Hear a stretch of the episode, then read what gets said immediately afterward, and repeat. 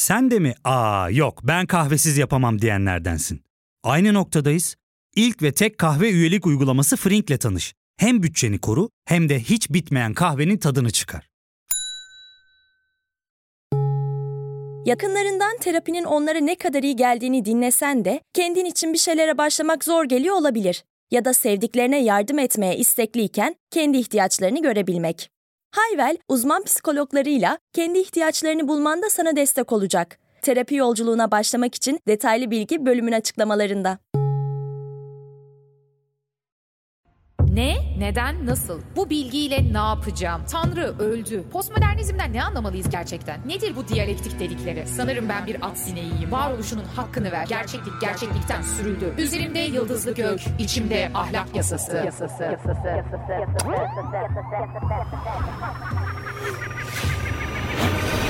Dünyaya fırlatıldık. Başlangıçtan günümüze felsefe tarihi serisinde bugünkü konuklarımız Stoacılar. Ama Stoacılardan bahsetmeden önce şu anki mevcut durumumuzu birlikte biraz düşünelim istiyorum. Çağımızı bir kelimeyle anlat deseydiniz hakikatsizlik çağı derdim. Nietzsche hakikatin ölümünü müjdeledi, Dadaistler bu hakikatin mezarı üzerinde dans etti, postmodernler zaten hiç var olmadığını söyledi post-truth'tan söz etmeye başladığımız bugünlerde ise artık varsa da hiçbir değeri kalmadı. Neyin gerçek, neyin hakiki olduğu konusunda tek güvenilir kılavuzumuz bilim ama o da bize hangi değerlere uygun olarak yaşamamız gerektiğini söylemiyor.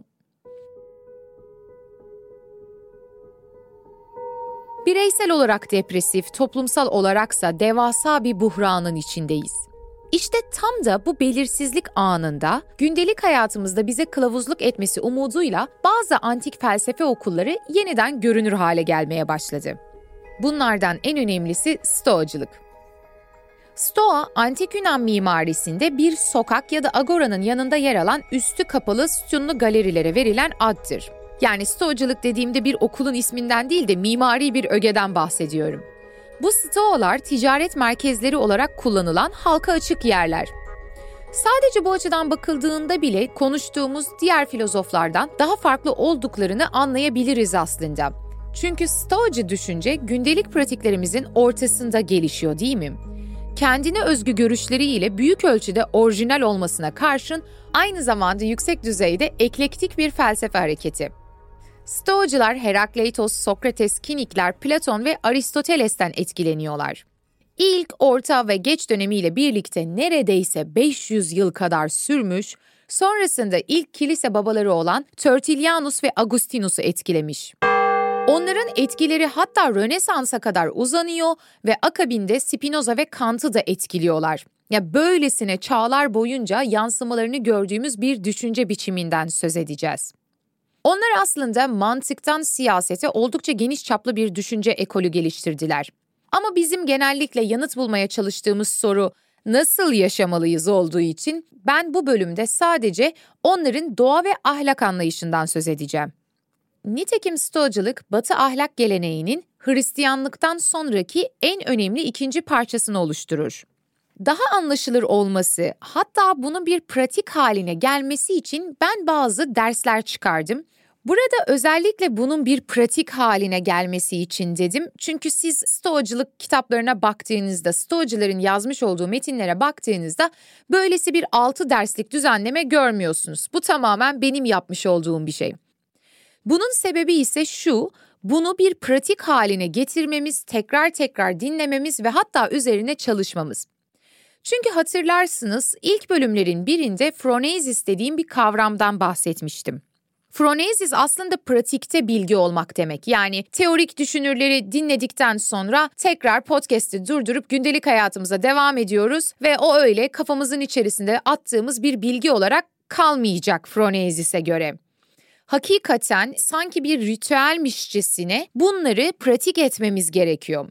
O yüzden daha anlaşılır bir hale gelmesi için ben bugün sizinle 6 tane ders paylaşacağım. Ders 1 hayata kötü yanından bakın. Biz günümüzde genellikle kötü bir olay olduğunda onu pozitif yanından görmeye çalışırız.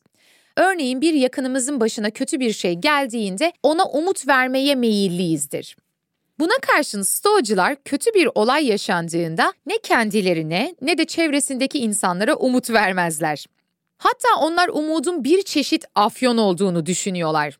Çünkü siz her şeyin iyi olacağını düşünürseniz ve her şeyin iyi olacağına dair umut beslerseniz muhtemelen fena bir şekilde hayal kırıklığına uğrayacaksınız. Dünya acıyla dolu. Umut beklentiyi yükseltir ve beklentileriniz ne kadar yükselirse hayal kırıklığınız da o derece büyük olur. Kendi yaşamımdan bir örnek vermek istiyorum.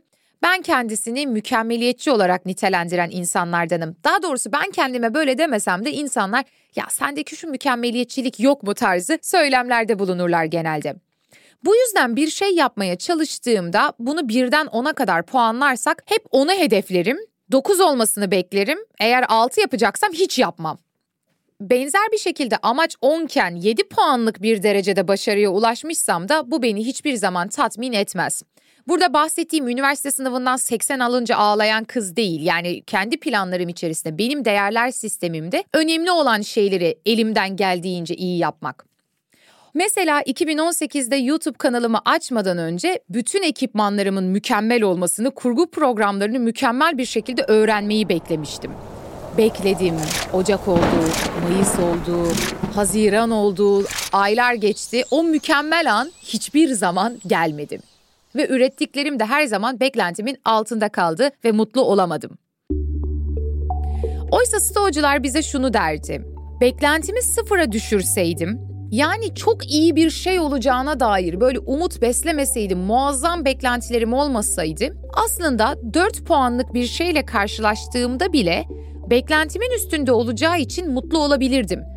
O yüzden umudumuzu, beklentimizi, hedeflerimizi bu kadar yüksekte tutarsak bu durum hem mutlu olmamızı engelleyecek hem de böylesi bir durum gözümüzü korkutacağı için aslında o işe başlamamız engellenmiş olacak.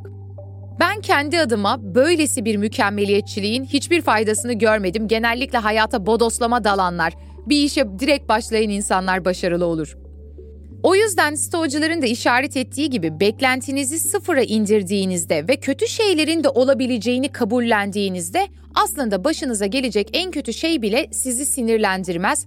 Çünkü hep beklemediğimiz aksilikler bizi çileden çıkartır. Kötüyü beklerseniz başınıza gelen herhangi bir şey sizi sinirlendirmez. Seneca bu konuyla ilgili şöyle söylüyor. Yaşadığı fenalıkların gelişini öngören onları gücünden eder. Siz kötü yanından bakıp her şey kötüye gidecekmiş gibi davranın ki bir sorun yaşadığınızda bu da sizin için sarsıcı olmasın. Ders 2. Dünya berbat bir yerdir. Bir örnekle başlayalım. Size kötü bir senaryo vereyim. Sabah uyanıyorsun, gününün muhteşem geçmesini bekliyorsun. Banyoya bir gidiyorsun, duş almak için bir bakıyorsun sular kesik. İşe gitmek için bir an önce yola koyulman gerekiyor ama bu duş meselesi yüzünden biraz gecikmiş oldun. Otobüs durağına vardığında otobüsü de kaçırmış olduğunu fark ediyorsun. Sonra sen duraktayken yanından bir araba geçiyor ve o yerdeki pis suyun hepsini üzerine sıçratıyor. Böylece toplantına geç kalman yetmezmiş gibi bir de kıyafetlerin kirlendi. Patronun sürekli söyleniyor, aynı anda telefonunda hiç susmuyor. Hatta erkek arkadaşın ilgi görmediği için şikayet ediyor aynı anda. Haftalardan beri beklediğin kargoda yanlış adrese gitmiş zaten. Kargo firmasını arıyorsun, muhatap bulamıyorsun. Tam çileden çıkıyorsun derken hop günün berbat oluyor. Eminim şu senaryonun bir kısmı veya benzeri sizin de başınıza gelmiştir. Başınıza kötü şeyler geldiğini biliyorum ama başınıza kötü şeyler gelmeye de devam edecek. Bu yüzden Stoa felsefesi der ki, dünyayı ideal bir yermiş gibi görmek yerine onu olduğu haliyle yani bütün kötülükleri ve aksilikleriyle birlikte kabul etmek en doğru ve en rahatlatıcı yaklaşımdır. Siz siz olun.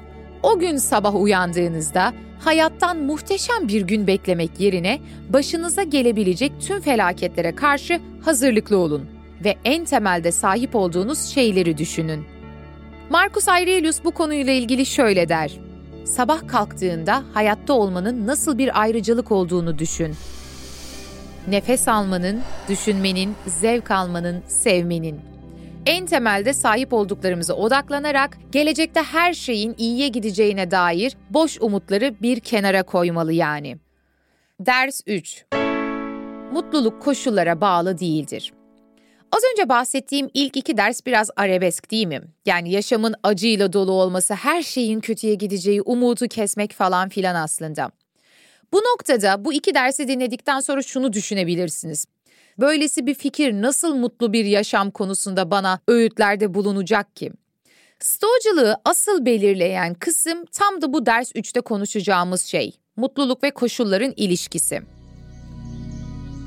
Stoacılara göre biz her zaman elimizde olmayanı istiyoruz. Bu anlamda ona da sahip olduktan sonra artık elde etmiş olduğumuz için o şey yine önemsizleşiyor. Çocukken sahip olmak istediğiniz herhangi bir şeyi hatırlayın. Alır oynar bir iki hafta kullanır sonrasında bir kenara atardınız. O yüzden bakıldığında eşyanın gerçekten hiçbir değeri veya anlamı yok stoacılara göre. Seneca bu konuda şöyle der. Aslında az şeye sahip olan insan değil, çok şeyin özlemini çeken insan fakirdir. Stoacılar sahip olduklarının değerini anlamak için senede iki veya üç kez oruç tutarlar. Kötü kıyafetler giyerek yataklarını bir kenara kaldırırlar, yerde yatarlar ve bayatlamış ekmek yerler. Bu şekilde aslında sahip oldukları şeylerin ne kadar önemli ve ne kadar değerli olduğunu anlamaya çalışırlarmış. Seneca diyor ki zaten kader vermediğini geri alamaz. Bu açıdan bakıldığında eğer sahip olduklarımız etrafında bir mutluluk geliştiriyorsak, sahip olduğumuz şeyler de her zaman tehlike içerisinde ise ya da onlarla yetinmemiz, onlarla doygunluğa ulaşmamız mümkün olmayacaksa Asıl mesele tıpkı Diyojen bölümünde de konuştuğumuz gibi sahip olduklarımızın üzerimizdeki etkisini azaltmak, yani kendimizi olabildiğince nötr bir pozisyona çekmek. Ders 4 Acıdan anlam doğar. Marcus Aurelius bu ders hakkında şöyle söylüyor. Öncelikle girişte alıntıyı paylaşacağım ki sonrasında üzerine konuşalım. Dalgaların sürekli çarptığı kaya gibi ol. Sağlam, hareketsiz durur kaya ve yatıştırır etrafındaki suyun öfkesini. Ne talihsizim ki bu benim başıma geldi. Stoacı düşünce hayatımızın en acı verici deneyimlerinde bile hayatımızı anlamla doldurabileceğimizi savunur. Az önce alıntıladığım ünlü Stoa düşünürlerinden biri olan Marcus Aurelius bir savaş komutanıydı.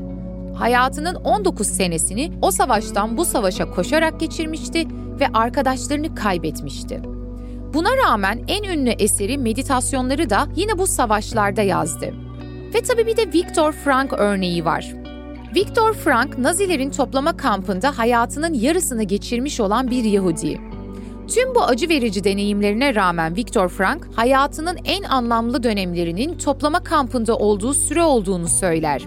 Çünkü o süre hem kendini hem hayatı tanıması konusunda ona öylesi deneyimler yaşattırmıştır ki o deneyimlerden sonra hayata karşı bir farkındalık geliştirmiştir ve o ünlü eseri insanın anlam arayışını yazmıştır. Bugün o acı verici deneyim sayesinde Viktor Frank kendi adı ve kendi hikayesiyle psikiyatri tarihine geçmiştir. Aslında gün içerisinde başımıza ne gelirse gelsin, bunun da tıpkı güzel şeyler gibi sadece bir olasılık olduğunu ve hayatın akışının bir parçası olduğunu kabul etmek gerekir. Çünkü en acı verici deneyimlerimiz kendimizi deneyimlemek, kendimizin sınırlarını yoklamak ve kendimizi keşfetmek konusunda en verimli yolculuklarımız dahi olabilir. Bu sebeple stres, sinir, kaygı bozukluğu konusunda bize yardımcı olabileceğini düşündüğüm bir felsefe stoacı düşünce. Yaşamakta olduğunuz acı verici deneyim hayatınızın hikayesi de olabilir. Bu noktada bölümü ufak bir ara verelim, sonrasında kaldığımız yerden devam edelim. Ya fark ettin mi? Biz en çok kahveye para harcıyoruz. Yok abi, bundan sonra günde bir. Aa, sen Frink kullanmıyor musun? Nasıl yani? Yani kahvenden kısmına gerek yok. Frink'e üye olursan aylık sadece 1200 TL'ye istediğin çeşit kahveyi istediğin kadar içebilirsin. Günlük 40 TL'ye sınırsız kahve mi yani? Çok iyiymiş. Aynen. Hatta şu anda 200 TL'lik bir indirim kodu da var. E hadi hemen indirip üye ol da bu fırsatı kaçırma. Terapiye başlamak, içinden çıkamadığın döngüleri kırmak, bazı yanlış bulduğun kararlarını değiştirmek ve kendinle beraber daha huzurlu bir yaşam inşa etmek için atabileceğin en değerli adımlardan biri. Hayvel ile yoğun yaşam tempona uyum sağlayarak online terapi seanslarını takvimine göre ayarlayabilirsin. Bini aşkın uzmandan sana en uygun terapisti seçebilir, podb10 koduyla indirimden yararlanabilirsin. Detaylı bilgi açıklamalardaki bağlantıda. Gelelim ders 5'e. Doğanın planına güven, zaten başka şansın yok. Stoa felsefesinin en belirgin özelliği doğa ve ahlak arasında bir ayrım olmaması. Bu düşünce size de biraz ilginç geldi mi? Çünkü biz genellikle doğayı yani fiziğin alanı ile değerler alanını birbirinden ayırırız. Oysa Stoacılar doğa, tanrı, ilkeler, değerler ve ahlakı birbirinden ayırmazlar. Bunların hepsinin özdeş olduğunu düşünürler. Bu açıdan materyalistlerdir. Milattan önce 4, milattan sonra 65 aralığında yaşamış olan Lucius Seneca, Tanrı'nın evrenin her tarafına yayılmış akıl olduğunu söyler. O evrenin yapıcısıdır ama evrenin dışında bir noktadan evreni yaratmamıştır. Evrendeki her bir köşeye, her bir parçaya, insanın ruhuna nüfuz etmiştir. Eğer doğanın ötesinde bir tanrı yoksa yani evrenin dışında kendi krallığında yaşayan aşkın bir tanrı yoksa, doğada kendi içerisinde ilkeli ve akılsal bir düzene sahipse aslında hayattaki en önemli şey insanın kendi doğasına ya da genel olarak doğaya uygun yaşamak haline gelir. Çünkü Stoacılara göre insanın amacı mutlu olmaktır ve mutlu olmanın tek yolu ise doğaya uygun yaşamaktan geçer. Tabi bu hazcı anlamda bir mutluluk değil. Ama bu durumda şunu sorabiliriz. Tamam bir doğa ötesi yok, doğa yaratılmadı. Aslında doğa kendi içerisinde aklını, kutsallığı, tanrısallığı barındırıyor ve ben ona uygun olarak yaşamalıyım. Burası tamam. Peki insanın doğası nedir? İnsanın doğasından bahsederken ki doğa kavrayışı en temelde özüne uygun davranmak demek. İnsanın doğasını oluşturan şey onun akılsal ve sosyal bir varlık olması. Diğer canlılardan farklı olarak akli yetilere sahip sosyal bir hayvanız. Bu noktada geçmiş bölümleri de şöyle bir hatırlayalım. Kinikler de, Diyojen de insanın doğasına uygun yaşaması gerektiğinden bahsetmişti. Ama doğa kavrayışı bile nasıl değişiyor? Kinikler için doğal yaşama geri dönmek, hayvani dürtülerle birlikte yaşamak, hatta belki de en temelde bir hayvan olduğunu kabul etmekken, Stoacılar insanın doğasını bu defa akıl ve sosyal bir yaşantı üzerinden kurguladı. Burada şunun altını çizebiliriz. Felsefeciler bazen aynı kavramlardan söz eder. Sanki o kavramla aynı şeye işaret ediyor gibidirler ama aslında aynı şeyi kastetmezler. O halde Stoacılara göre insanın kendi doğasına uygun olarak yaşaması, içgüdülerinin veya arzularının değil, aklın hüküm sürdüğü, toplumun değerlerini gözettiği bir yaşam olacaktır. Fakat burada bir sorun gözüküyor. Belki siz de fark etmişsinizdir. Eğer ki Tanrı ve doğa özdeşse, doğanın kendi içerisinde bir planı varsa, bu durumda insanlar yalnızca birer piyon sayılabilir değil mi? Elimdeki kalemi yere atarsam kalem düşecek çünkü yer çekimi yasasına tabiyim. Bu durumda doğanın kendi içerisindeki planı dışında hiçbir şey yapamam. Ben de zaten onun bir parçasıyım. Ben insanın özgürlüğünden nasıl söz edeceğim? Eylemlerimde özgür müyüm yani? Bu durumda sadece doğa içerisinde savrulup duruyoruz demektir. Diğer yandan eğer yüce bir amacın olduğu fikrine katılmıyorsanız, amaç kavramının kendisine ilişkin büyük bir tartışma da çıkacak.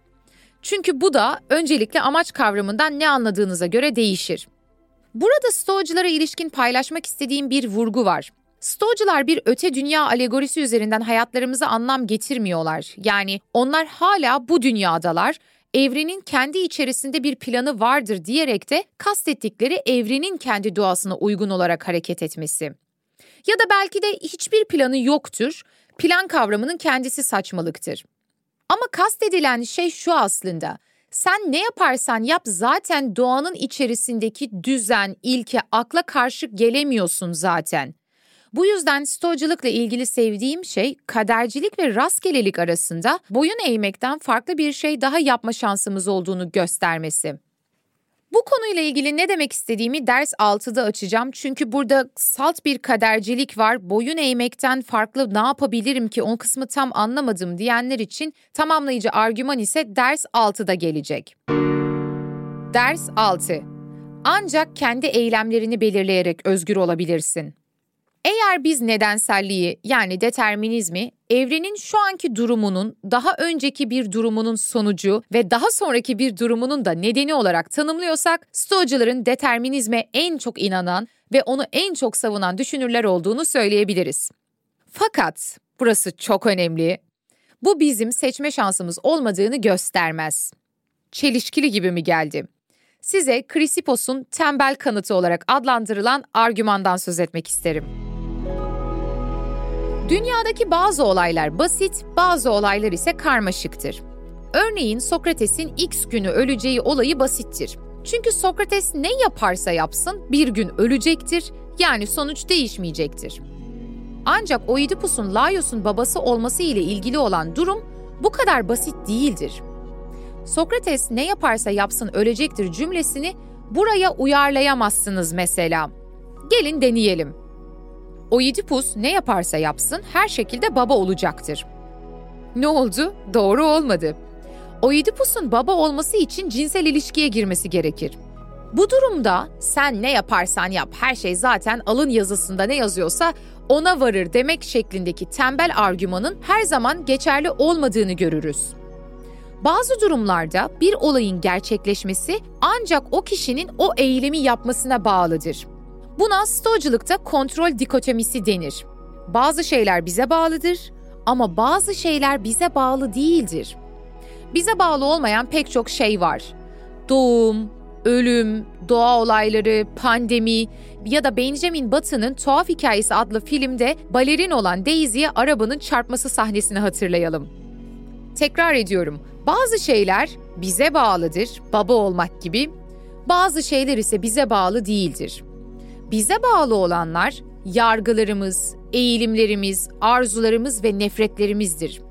Tek kelimeyle bize ait olan eserlerdir bunlar. Bize bağlı olmayanlar ise bedenimiz, zenginlik, ün ve güçtür. Tek kelimeyle bize ait olmayan şeylerdir diyor Epiktetos. Bedenimiz nasıl bize bağlı olmayabilir ki diye düşünüyorsanız tekrar pandemiyi düşünün. Hiç hesapta yokken tüm çabalarımıza rağmen hayatını kaybeden binlerce insan oldu. Seneca bu noktada şöyle derdi. Bilge, talihin yanar dönerli hediyelerine yüz vermeyendir. Çünkü onun en büyük eğlencesidir gözyaşıyla kahkahayı birbirine karıştırmak. Garip bir şekilde bu durum bana Nasrettin Hoca'nın doğuran kazan fıkrasını hatırlatıyor.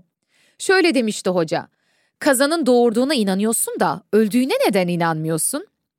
Aynı durumu hayatlarımıza uygularsak aslında şans yüzümüze güldüğünde hayatın güzel ve anlamlı olduğunu düşünerek hayatı kabullenebiliyoruz da her şey aksi yönde gittiğinde neden aynı şekilde kabullenemiyoruz? İkisinin de kaynağı aynı şey değil mi? Burada kabullenmek kelimesini kullanırken temkinli olmayı öneriyorum. Kabulleniş ile teslimiyet arasında ufak bir fark var. Stoacılara göre insan sadece başına gelen şeyleri kabullenen bir durumda kalmamalı. Tanrı'nın veya evrenin diyebilirsiniz çünkü ikisinin neredeyse özdeş şeyler olduğunu söyledim. Onun planına aktif bir şekilde katılmalı, ona destek olmalı, bunun için elinden gelenin en iyisini yapmalıdır. Şimdi hala açık değil. Tamam bir plan var ben ona uyuyorum o iyi şeyler getirebilir kötü şeyler de getirebilir kazan doğurabilir ölebilir. Bu durumda hala teslimiyetin ötesinde bana nasıl bir özgürlük alanı tanındı ki? Yani ben neye göre eğileceğim? Zaten plana göre yaşayan bir piyonum diye düşünüyorsanız bu defa başka bir argümandan bahsedeceğim. Bu benim en sevdiğim, sürekli örnek verdiğim konulardan bir tanesi. Bunun ismi ise Krisipos'un silindiri. Şimdi gözlerimizi kapatalım ve bir yokuş düşünelim. Yokuşun başında silindir olsun. Eğer ben bu silindiri itersem ne olur? Silindir aşağı doğru hızla yuvarlanır. Fakat yuvarlanmaya devam etmesinin temel sebebi aslında onun itilmiş olması değildir. Bu düşmenin devamlılığında belirleyici olan silindirin kendi içsel yapısıdır. Ne demek istiyorum? Mesela aynı itme, aynı nedeni bir küpe uygulayalım. Bir yokuş olsun, yokuşun başında bir küp olsun. Ben küpü iteyim. Bu durumda küp aşağı doğru silindirin olduğu gibi hızla yuvarlanmayabilirdi. Çünkü küpün köşeli doğası buna izin vermeyecekti. Aynı şey insan için de geçerlidir stoacılara göre. Dışsal nedenler farklı şekillerde harekete geçirici etkilerde bulunsalar dahi ortaya çıkacak tepki kişinin kendi doğasına bağlıdır. Nedenler bizim elimizde olmayabilir ama bu nedenlere vereceğimiz tepki bizim elimizdedir. Asıl soru şu o halde. Başına böylesi bir felaket geldi ama sen bu felaketi nasıl karşılayacaksın? Kabullenmek stoacı bilgeliğin iki parçasından biri ise diğeri katı determinizme rağmen kişinin kendi hareketini belirlemesidir. Bu durumda soru şu, bir küp mü olacaksın, silindir gibi mi davranacaksın? Platon'un filozof kral idealinin gerçekleşmiş hali olan Marcus Aurelius'un da dediği gibi, insanın bulunduğu her yer, her an için bir cennet, hatta bir inziva ve huzur alanı olabilir. Yeter ki cennet zihinde inşa edilmiş olsun. Bu yüzden başımıza ne gelirse gelsin, olmakta olan her şeyin belirli bir akla, düzene göre gerçekleştiğini, yani en iyisi olduğunu düşünerek sadece gücümüz dahilinde olana odaklanmalıyız. Hayatta başımıza nelerin geleceğini kontrol edemeyiz. Yokuşun başından itil edebiliriz, sürekli felaketlerle de karşılaşabiliriz, hayatımız acı verici de olabilir. Böyle bir yetkimiz evet maalesef yok ama başımıza gelen olaylara ne şekilde tepki verebileceğimizi biz seçebiliriz. Stoacılıktan öğrenmemiz gereken en önemli kısım da tam da burası. Evinde kahvesini yudumlayarak dergisini okuyan bir insan için birdenbire bardaktan boşalırcasına yağmur yağması tatlı bir şeydir. Oysa farklı bir mekanda bir yerden bir yere yaya şekilde yetişmeye çalışan biri için yağmurun bu şekilde yağması günü felakete çevirir değil mi? Peki bu durumda yağmurun yağması iyi bir şey mi, kötü bir şey mi? Hayır ikisi de değil. Çünkü bir şeyin iyi veya kötü olmasını belirleyen şey şeyin kendisinde değildir aslında. Bizim o şeyi nasıl yorumladığımızdır. Bu yüzden asıl mesele hayatın size sürekli gülümsemesi değil, hayatta başınıza gelen aksilikleri nasıl tepkilerle karşıladığınızdır. Şöyle diyor Seneca. Bilgelik en kötüyü bile gülerek karşılamaktadır. Bu gerçekten iyi bir kriz yönetimi değil mi? Başına gelenlere değil, senin buna ne şekilde tepki vereceğin konusuna odaklanmak. Çünkü aman benim bu başıma gelenler tavrı aslında kendinizi kurban pozisyonu içerisine sokarak tembelliğinizi meşru kılmaktan fazlası olmayabilir. Peki bu durumda iyi ne? Yani insanın kendi doğasına uygun davranmasının akla uygun davranmak olduğunu söyledik ama akla uygun davranarak neyi nasıl belirleyeceğiz ki? Bu kafa karışıklığını gidermek için hemen bir bonus ders daha ekleyeyim. Artı bir ölçüt. Ders 6 artı 1. Kendiniz için değil, bütünün iyiliği için. Yunanların ve Cicero'nun tanımladığı bir terim vardır. Uygun iş, uygun eylem. Bu kurama göre doğa insana farklı roller vermiştir.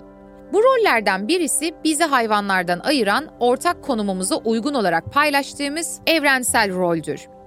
İkinci rol ise hepimizin kendi kişiliklerimize, bireyselliklerimize ve hayatlarımıza uygun olarak sürdürmemiz gereken rollerdir.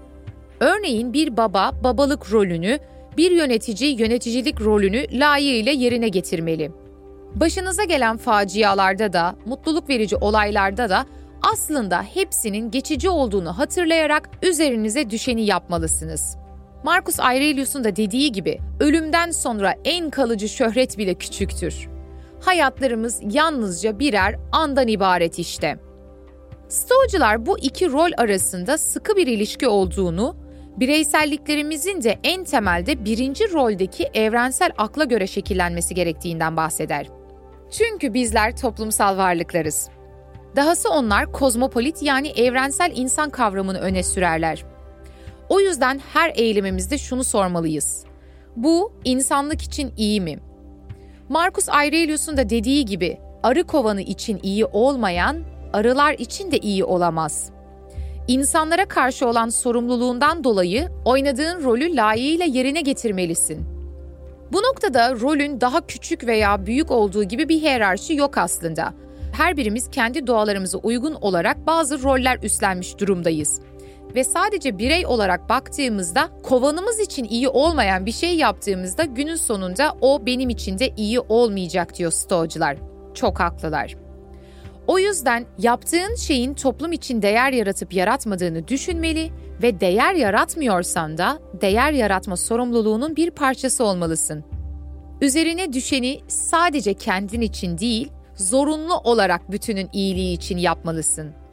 Yani özetle doğanın o büyük planına katkı sağlamalısın stoğacılara göre. Çünkü bunun başka bir yolu yok. Doğana uygun davran derken kastettikleri tam da bir B yolunun C yolunun olmadığı zaten. Stoğacılıktan derlediğim bu 6 artı 1 dersin gündelik hayatlarımızda doğrudan uygulanabilir olduğunu, hatta yaşama pratiklerimizde bize yol gösteren rehberler haline gelebileceğini düşünüyorum. Bu konuda siz ne düşünüyorsunuz? Oldukça merak ediyorum. Eklemek istedikleriniz olursa bana sosyal medya kanallarım üzerinden ulaşabilirsiniz. Gelecek bölümde görüşmek üzere, meraklı kalın.